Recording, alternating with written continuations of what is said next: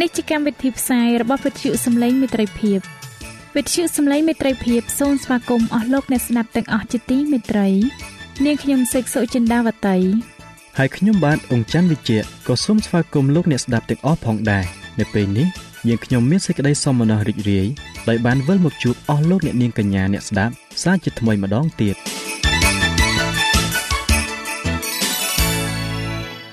នាងខ្ញុំសេកសុចិន្តាវតី សូមជម្រាបជូនកម្មវិធីផ្សាយដែលមានជាបន្តបន្ទាប់ដូចតទៅនេតិបទទំនាយនិងប្រវត្តិសាស្ត្រនេតិផ្លូវសម្រាប់ជីវិត ចា៎លោកអ្នកស្ដាប់ជាទីមេត្រី នាងខ្ញុំសូមគោរពអញ្ជើញអស់លោកលោកស្រី អ្នកនាងកញ្ញាតាមដានស្ដាប់កម្មវិធីផ្សាយរបស់វិទ្យុយើងខ្ញុំដូចតទៅ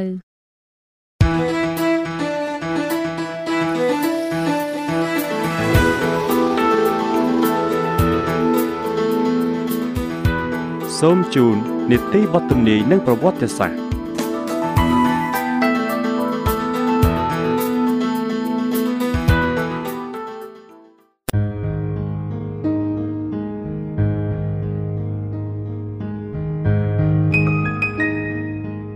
្នកខ្ញុំសូមជម្រាបសួរអស់លោកលោកស្រីនិងប្រិយមិត្តអ្នកស្ដាប់ជាទីមេត្រី នៅក្នុងនេតិបទទំនាយនិងប្រវត្តិសាស្ត្រនៅភាគទី1លោកអនចរិតបានជម្រាបលោកអ្នក រួចស្រេចមកហើយ ពីការបំផ្លាញព្រះវិហារនិងទីក្រុងយេរូសាឡឹមហើយភាគទី2នៅថ្ងៃនេះតើលោកនឹងមានអ្វីមកជម្រាបជូនដល់អស់លោកអ្នកទៀតបាទនៅថ្ងៃនេះលោកអ្នកនឹងបានស្ដាប់ពីព្រះវិហារដ៏ត្រចះត្រចង់ត្រូវវិនិច្ឆ័យសាបសូន្យជារៀងរហូតទៅនិងចំណុចចុងក្រោយគឺសេចក្តីអត់ធ្មត់របស់ព្រះ ចំពោះប្រជារាស្ត្ររបស់ទ្រង់ជាសូមអរគុណដូច្នេះសូមលោកអ្នកតាមដានស្ដាប់ជាមួយនឹងខ្ញុំបាទដូចតទៅចាសសូមអញ្ជើញ ពីថ្ងៃមុនបុណ្យរំលងព្រះគ្រីស្ទបានយាងជាមួយនឹងពួកសាវកទ្រង់ឆ្ពោះទៅភ្នំអូលីម្ដងទៀតដើម្បីតតមើលទីក្រុងទ្រង់បានតតឃើញសារជាថ្មីម្ដងទៀតដល់វិហារដែលជាមកុដនៃសភនភាព ក្នុងភាពត្រចះត្រចង់របស់វាស្ដេចសាឡូមោនជាព្រះមហាក្សត្រដ៏មានប្រាជ្ញាឆ្លៀសវៃជាងគេបង្អស់នៅក្នុងប្រទេសអ៊ីស្រាអែលបានបញ្ចប់ការកសាងព្រះវិហារទី1ដែលជាសំណង់ដ៏ល្អបំផុតនៅក្នុងពិភពលោក បន្ទាប់ពីស្ដេចនេបូខនេសាបានធ្វើវិនាសកម្មដល់វិហារមកគេបានសង់ឡើងវិញនៅក្នុងកំឡុង500ឆ្នាំមុនកំណត់ព្រះគ្រីស្ទប៉ុន្តែភាពរុងរឿងនៃព្រះវិហារទី2មិនបានស្មើនឹងព្រះវិហារទី1ទេគ្មានពពកនៃសេរីល្អឬភ្លើងពីស្ថានសួគ៌ធ្លាក់មកលើអាសនៈទេហັບនៃសេចក្តីសញ្ញា ទីសណ្ដោប្រុសនិងបន្ទះថ្មនៃទីបន្ទល់នឹងមិនត្រូវបានឃើញនៅទីនោះឡើយ។ គ្មានព្រះសូរសៀងពីស្ថានសួគ៌បន្លឺប្រាប់សង់ពីព្រះハរតីរបស់ព្រះឡើយព្រះវិហារទី2ពុំមានពពកនៃសេរីល្អរបស់ព្រះ ជាកិត្តិយសទេប៉ុន្តែត្រូវទទួលកិត្តិយសដោយសារវត្តមាន នៃព្រះមីអង្គដែលជាព្រះផ្ទាល់សម្ដែងក្នុងភាពជាសាច់ឈាមវិញសេចក្តីប្រាថ្នានៃអស់ទាំងសះបានយាងមកដល់ព្រះវិហាររបស់ទ្រង់ហើយទ្រង់ដែលជាអ្នកស្រុកណាសារ៉េត បានបង្រៀននិងព្យាបាលនៅទីធ្លាបរិសុទ្ធផងប៉ុន្តែសាសអ៊ីស្រាអែលបានផាត់ព្រះអង្គដែលជាអំណោយផ្ដល់ពីស្ថានសួគ៌ចោលចាប់តាំងពីពេលដែលលោកគ្រូដ៏ស្រទន់បានឆ្លងផុតពីខ្លោងទ្វារធ្វើពីមាសនៅថ្ងៃនោះស្រីល្អបានឃ្លាតចេញពីព្រះវិហារនោះជារៀងរហូតទៅព្រះបន្ទូលរបស់ព្រះអង្គសង្គ្រោះបានសម្រេចរួចស្រេចទៅហើយព្រះគម្ពីរម៉ាថាយបានចែងថា ផ្ទះឯងនឹងត្រូវចោលស្ងាត់ទុកឲ្យឯងព្រះគម្ពីរម៉ាថាយចំពុកទី23ខ38ពួកសាវកមានការអស្ចារ្យជាខ្លាំងដល់បទទំនាយរបស់ព្រះគ្រីស្ទអំពីការរំលំនៃព្រះវិហារហើយគេបានចង់ប៉ងយល់អត្ថន័យនៃព្រះបន្ទូលរបស់ទ្រង់ឲ្យបានពិស្ដារថែមទៀតព្រះមហាក្សត្រហេរ៉ូដដ៏មហិមាបានចំណាយទ្រព្យសម្បត្តិរបស់រ៉ូម និងសារអ៊ីស្រាអែលអស់មួយចំនួនធំទៅលើព្រះវិហារ ផ្នែកខ្លះនៃក្រុងព្រះវិហារបានធ្វើមកពីផ្ទៀងថ្លើមថ្មដ៏ធំធំ ដែលបញ្ជូនមកពីទីក្រុងរ៉ូមពួកសាវកបានទាញស្មារតីគ្រូរបស់ខ្លួន ដល់ការទាំងនេះថាមើលណថ្មហើយនឹងមន្ទីរល្អណាស់ណព្រះគម្ពីរម៉ាកុសចំពុកទី13ខ1ព្រះយេស៊ូវបានតចំពោះពាក្យទាំងនោះយ៉ាងម៉ឺងម៉ាត់និងគួរឲ្យភ្ញាក់ផ្អើលថាខ្ញុំប្រាប់អ្នករាល់គ្នាជាប្រកាសថា នៅទីនេះ នឹងគ្មានថ្មទ្រុឌនៅលើថ្ម ដែលមិនត្រូវទម្លាក់ចុះនោះទេព្រះអង្គបានមានបន្ទូលប្រាប់គេទៀតថាទ្រង់នឹងយាងមកជាលើកទី2ម្ល៉េះហើយ បានជានៅពេលដែលទ្រង់មានបន្ទូល ពីការវិនិច្ឆ័យដល់ទីក្រុងយេរូសាឡឹមចិត្តគេនឹងភ្នក់ទៅដល់ការយាងមកនោះភ្លាម បានជាគេសួរថាតើការទាំងនេះ កាលណានឹងមកដល់តើមានទីសម្គាល់ណា ពីទ្រង់យាងមក ហើយពីបំផុតកល ព្រះគ្រីស្ទបានបង្ហាញគម្រោងព្រឹត្តិការណ៍ដ៏ធំ ដែលនឹងកើតឡើង មុនគ្រាចុងបញ្ចប់ដល់ពួកគេទំនាយដែលទ្រង់បានទាយមានអត្ថន័យពីរយ៉ាងក្នុងពេលដែលកំពុងទាយពីវិនាសកម្មនៃទីក្រុងយេរូសាឡឹមទ្រង់ក៏បានប្រាប់ឲ្យដឹងជាមុន អំពីសេចក្តីភិតភ័យយ៉ាងខ្លាំងនៅគ្រាចុងក្រោយបំផុតផងដែរការវិនិច្ឆ័យនឹងធ្លាក់មកលើសាសអ៊ីស្រាអែលដោយបានបដិសេធនិងបានឆ្កាងព្រះមេស៊ី ព្រះគម្ពីរម៉ាថាយចំពុកទី24ខ15និងខ16បានចែងថា កាលណាអ្នករកគ្នាឃើញសេចក្តីដែលហោរាដានីយ៉ែលបានទាយទុក គឺជាសេចក្តីស្អប់ខ្ពើម ដែលបង្ខូចបំផ្លាញវាឈរនៅទីបរិសុទ្ធអ្នកណាដែលអានមើលឲ្យយល់ចុះនោះត្រូវឲ្យអ្នករាល់គ្នា នៅក្នុងស្រុកយូដារត់ចេញទៅឯភ្នំ នៅពេលដែលរូបចម្លាក់នៃពួករ៉ូមនឹងត្រូវបានតាំងឡើង នៅលើទីបរិសុទ្ធ នៅក្រៅជញ្ជាំងទីក្រុង នោះអ្នកដើរតាមព្រះគ្រីស្ទត្រូវភៀសខ្លួនរកកន្លែងដែលមានសុវត្ថិភាពអស់អ្នកដែលនឹងរត់គេចមិនត្រូវបង្អង់ឡើយដោយព្រោះតែបាបកម្មរបស់គេយេរូសាឡឹមត្រូវទទួលសេចក្តីក្រោធពីរោធរបស់ព្រះ ការជជែកមិនជឿបានផ្ដល់សេចក្តីហិនវិនាសដល់គេជាប្រកបអ្នកស្រុកយេរូសាឡឹមបានចោទថាព្រះគ្រីស្ទជាអ្នកបណ្ដាលអស់ទាំងបញ្ហា ដែលបានធ្លាក់មកលើគេ ដោយព្រោះតែផលនៃអំពើបាបរបស់ខ្លួន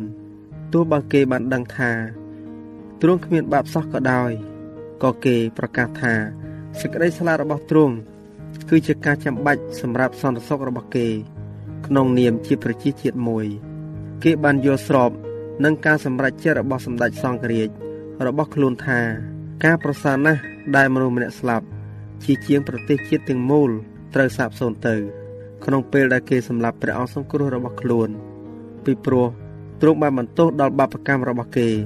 គេបានគិតថាខ្លួនគេជារាជសំណត់របស់ព្រះ ហើយរំពឹងឲ្យព្រះអម្ចាស់រំដោះគេចេញពីពួកសត្រូវ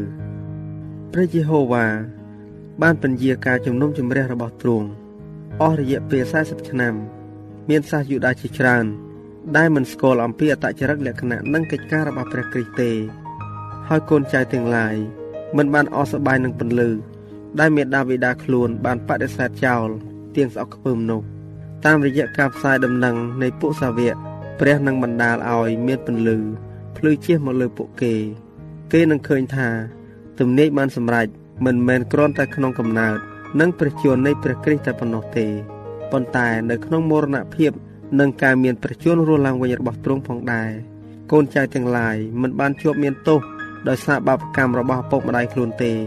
ប៉ុន្តែនៅពេលដែលគេបដិសេធពន្លឺបន្ថែម ដែលបានប្រទានដល់ខ្លួន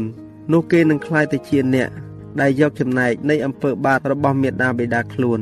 ព្រមទាំងបំពេញកម្រិតនៃភាពទុច្ចរិតរបស់ខ្លួនទៀតផងពួកយូដាបានបដិសេធអំណោយព្រះគុណចុងក្រោយ ដោយភាពជជែករឹងរូសរបស់ខ្លួន បន្ទាប់មកព្រះក៏បានដកសេចក្តីការពាររបស់ទ្រង់ចេញពីគេ ហើយប្រទេសជាតិទាំងមូលក៏ស្ថិតនៅក្នុងការគ្រប់គ្រងនៃមេដឹកនាំដែលគេបានជ្រើសរើសវិញសាតាំងបានបញ្ចេញភាពខុសខើដ៏សាហាវបំផុតដល់មនុស្សលោក មនុស្សលែងរិះគិតរកមូលហេតុព្រោះគេត្រូវបាន គ្រប់គ្រងដោយកំសួល និងចិត្តកំរោលថែមទាំងមានភាពខុសខើដូចជាសាតាំងផង មិត្តភ័ក្តិនិងញាតិសន្តានក្បត់គ្នាទៅវិញទៅមកឪពុកម្ដាយបានសម្លាប់កូនរបស់ខ្លួនហើយកូនបានសម្លាប់ឪពុកម្ដាយរបស់ខ្លួន អ្នកដឹកនាំប្រជារាស្ត្រគ្មានអំណាចនឹងដឹកនាំខ្លួនឯងផងកិលេសបានធ្វើឲ្យគេคล้ายទៅជាមនុស្សប្រើអំណាចផ្ដាច់ការពួកយូដាបានជឿទីបន្ទាល់คล้ายคล้ายដើម្បីកាត់ទោសព្រះរាជបុត្រារបស់ព្រះ ដែលឥតមានទោសសោះឥឡូវនេះពាក្យចោទคล้ายคล้ายទាំងប៉ុន្មាន បានធ្វើឲ្យជីវិតរបស់គេមានភាពមិនទៀងសេចក្តីកោតខ្លាចដល់ព្រះលែងមាននៅក្នុងចិត្តគេទៀតហើយសាតាំងក៏ធ្វើជាប្រមុខនៃប្រជាជាតិនោះ អ្នកដឹកនាំនៃភៀកគីប្រឆាំងបានកេងកម្លាំងគ្នាទៅវិញទៅមក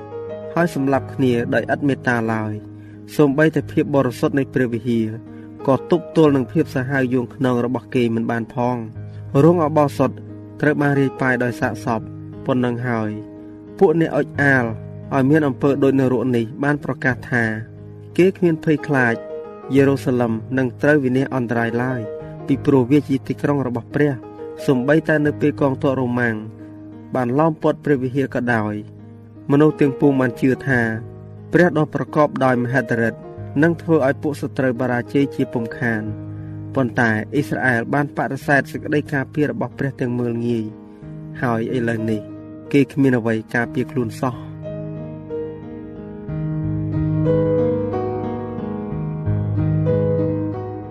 ចា៎ដោយពេលវេលាមានកំណត់ យើងខ្ញុំសូមផ្អាកនីតិបទទំនាយនិងប្រវត្តិសាស្ត្រត្រឹមតែប៉ុណ្ណឹងសិនចុះដោយសន្យាថានឹងលើកយកនីតិនេះមកជម្រាបជូនជាបន្តទៀតនៅថ្ងៃអង្គារសប្តាហ៍ក្រោយ សូមអរគុណ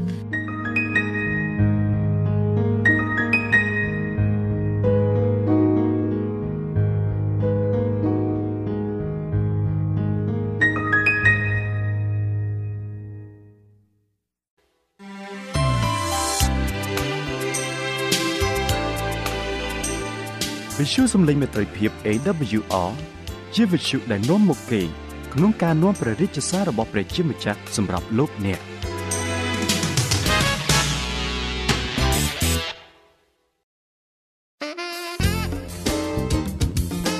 សូមជូននីតិផ្លូវសម្រាប់ជីវិត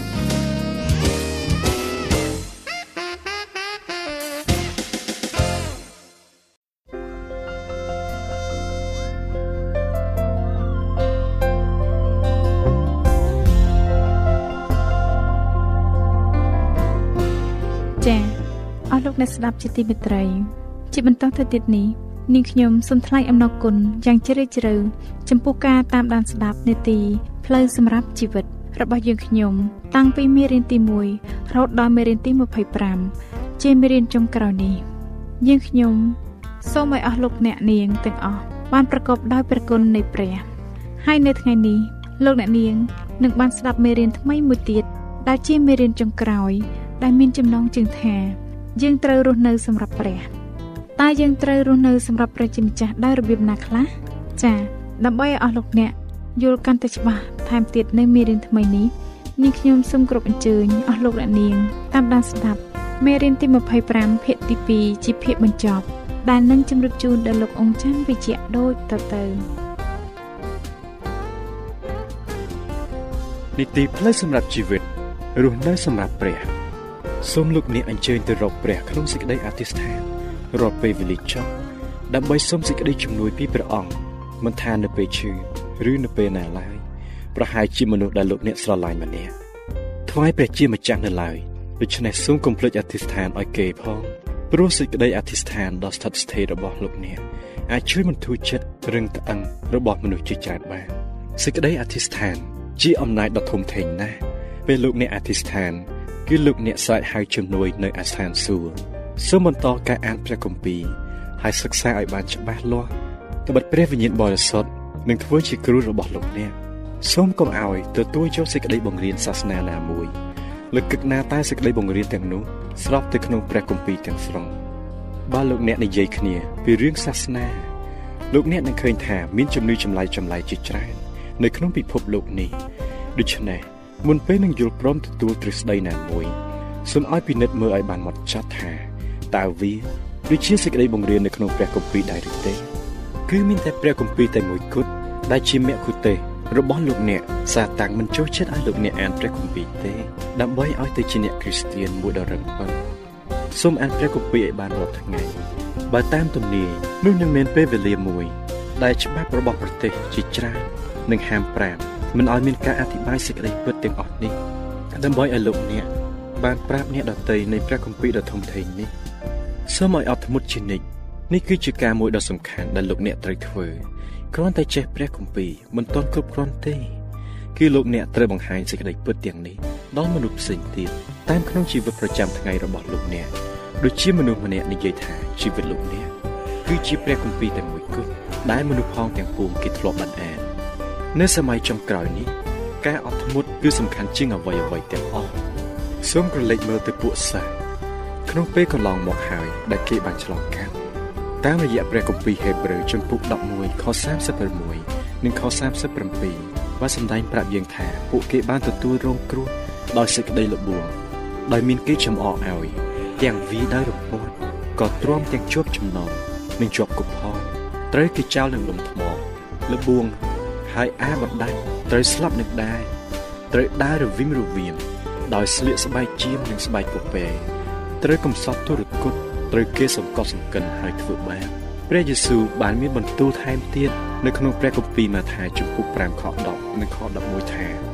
មានពរហើយអស់អ្នកណាដែលត្រូវគេបៀតបៀនដោយព្រោះសេចក្តីសុចរិតត្បិតនគរស្ថានសួគ៌ជារបស់អ្នកទាំងនោះអ្នករាល់គ្នាមានពរក្នុងការដែលគេជេរបៀតបៀន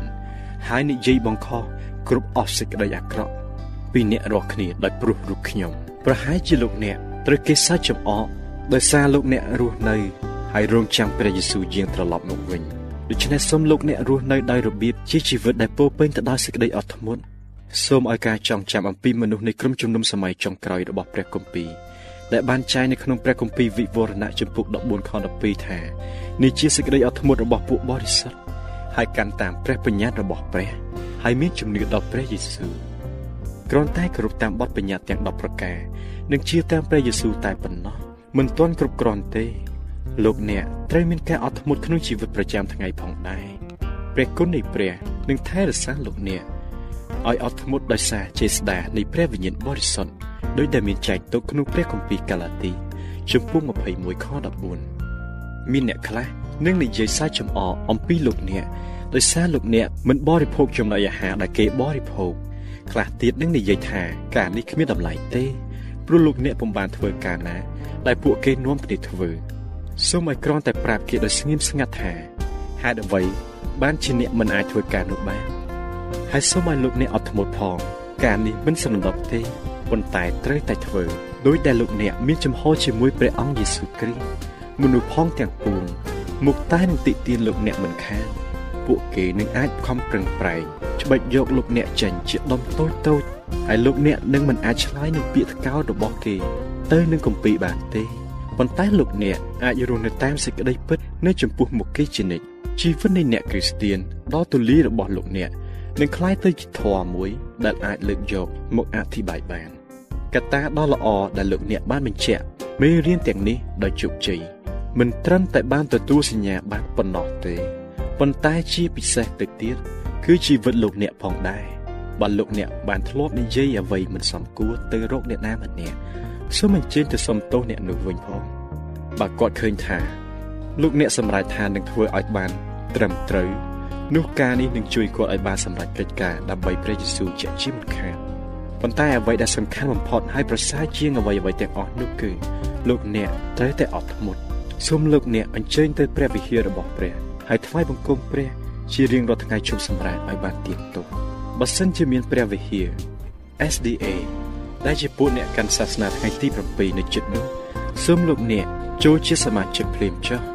ហើយទៅវិហារនោះឲ្យបានទៀងទាត់បើសិនជាគ្មានទេនោះលោកអ្នកអាចធ្វើបុណ្យជ្រមុជទឹកនៅវិហារណាដោយកាន់តាមថ្ងៃជប់សម្រាប់ដោយទៅឯផ្ទះលោកគ្រូគង្វាលលោកអ្នកអាចមានសាលារៀន ថ្ងៃជប់សម្រាប់ក្នុងសហគមន៍របស់លោកអ្នកមានមេរៀនថ្ងៃជប់សម្រាប់បានរៀបចំឡើងដោយឡែកជាពិសេសសម្រាប់ការសិក្សាព្រះគម្ពីររាល់ថ្ងៃ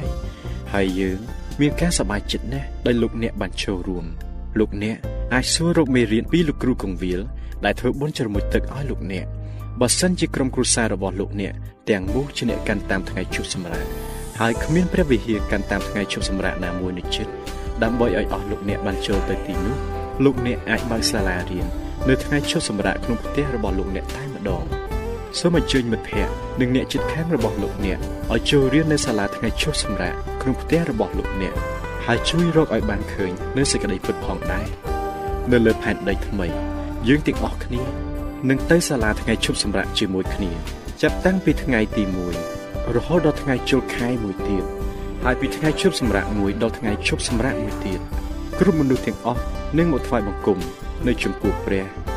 នេះគឺជាព្រះបន្ទូលរបស់ព្រះយេហូវ៉ាតាមព្រះគម្ពីរអេសាយជំពូក66ខ23នៅពេលដែលយើងកំពុងតែនៅផែនដីនៅឡើយយើងគួរតែរៀបចំទម្លាប់ថ្វាយបង្គំព្រះនៅថ្ងៃឈប់សម្រាកឲ្យបានទៀងទាត់សូមប្រាប់អ្នកឯទៀតពីជំនឿថ្មីក្នុងព្រះយេស៊ូវមានមនុស្សរាប់ពាន់នាក់ចង់ស្វែងរកវិជ្ជាដ៏ងាយនៅលើអ្វីដែលព្រះគម្ពីរបានបង្រៀនលោកអ្នកគឺជាទីបន្ទាល់នៃព្រះជាម្ចាស់ ដូច្នេះសូមលោកអ្នកប្រាប់អ្នកដទៃទៀតឲ្យបានដឹងសេចក្តីពិតថ្មីដែលលោកអ្នកបានសិក្សានេះផងក្នុងរបៀបនេះលោកអ្នកនឹងអាចនាំឲ្យមនុស្សជាច្រើនទៀតបានការសិក្សាការនេះមិនឲ្យយឺតយូរហួសពេលឡើយព្រះយេស៊ូវនឹងយាងមកក្នុងពេលឆាប់ឆាប់នេះហើយលោកអ្នកអាចប្រើគ្រប់មធ្យោបាយទាំងអស់ដើម្បីឲ្យអ្នកឯទៀតបានរៀបចំខ្លួនរួចស្រេចហើយដែរមានមនុស្សជាច្រើន ដែលពុំបានស្ដាប់អ្នកអធិប្បាយក្នុងវិហារមកតែស្ដាប់លោកអ្នកជាក់ជាមិនខានដោយសារលោកអ្នកបានប្រាប់អ្នកឯទៀតដោយរបៀបងាយស្រួលស្រណុកស្ដាប់អំពីព្រះគម្ពីរបានបង្រៀនអ្វីខ្លះនោះនឹងដោយសារគេឃើញអ្នករស់នៅយ៉ាងប្រុងប្រយ័ត្នចំពោះព្រះយេស៊ូវមុខតែនឹងមានមនុស្សជាច្រើនសម្រេចថានឹងដើរតាមព្រះអង្គគ្រប់ជំហានមិនខានថ្ងៃប្រមូលយកនៅខាងមុខចិត្តចិត្តនេះហើយគឺជាការរំភើបគួរឲ្យអស្ចារ្យណាស់ដែលយើងបានជួបគ្នា ដែលបានទទួលយកព្រះយេស៊ូវតាមការសិក្សាមេរៀនទាំងអស់នេះខ្ញុំបាទមិននិយាយសុំលាលោកអ្នកទេព្រោះខ្ញុំបាទនឹងជួបលោកអ្នកនៅឯនគរឋានសួគ៌ទៀតគឺខ្ញុំគ្រាន់តែចង់ប្រាប់លោកអ្នកជាប្រកាសថាឲ្យស្វែងរកផ្លូវចូលក្នុងក្រុមជំនុំនៃព្រះយេស៊ូវដោយចំចំតែម្ដង ជាមួយនឹងសម្លេងព្យាករផ្សេងផ្សេងទៀតនៅថ្ងៃដែលព្រះអង្គយាងមកវិញខ្ញុំចង់ឲ្យលោកអ្នកសប្បាយរីករាយ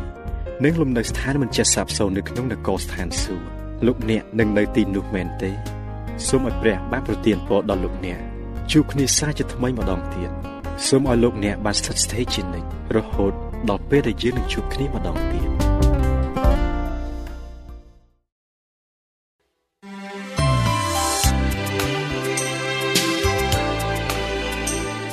វិទ្យុសំឡេងមេត្រីភាព AWR មានផ្សាយពីរដងក្នុងមួយថ្ងៃគឺព្រឹកនៅម៉ោង6និងពេលយប់ នៅម៉ោង8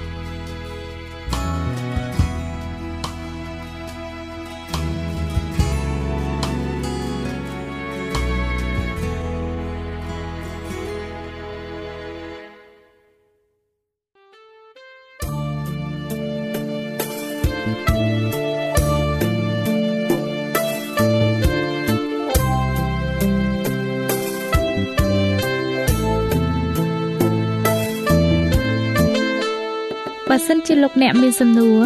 ឬសំណុំពរអ្វីសូមតាក់ទងមកការិយាល័យវិទ្យុយើងខ្ញុំ តាមអាស័យដ្ឋានផ្ទះលេខ15ផ្លូវលេខ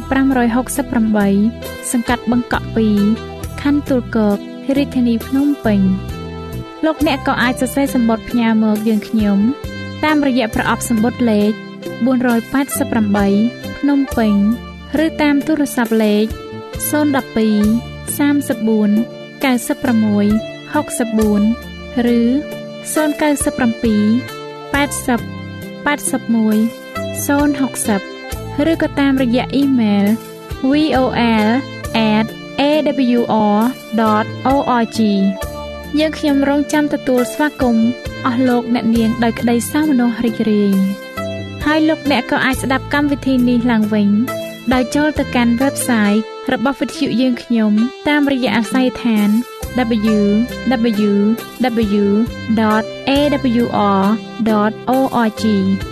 លោកអ្នកនាងកញ្ញាជាទីមេត្រី កម្មវិធីផ្សាយរបស់វិទ្យុសំឡេងមេត្រីភាពនៅពេលនេះសូមបញ្ចប់តែប៉ុណ្ណេះ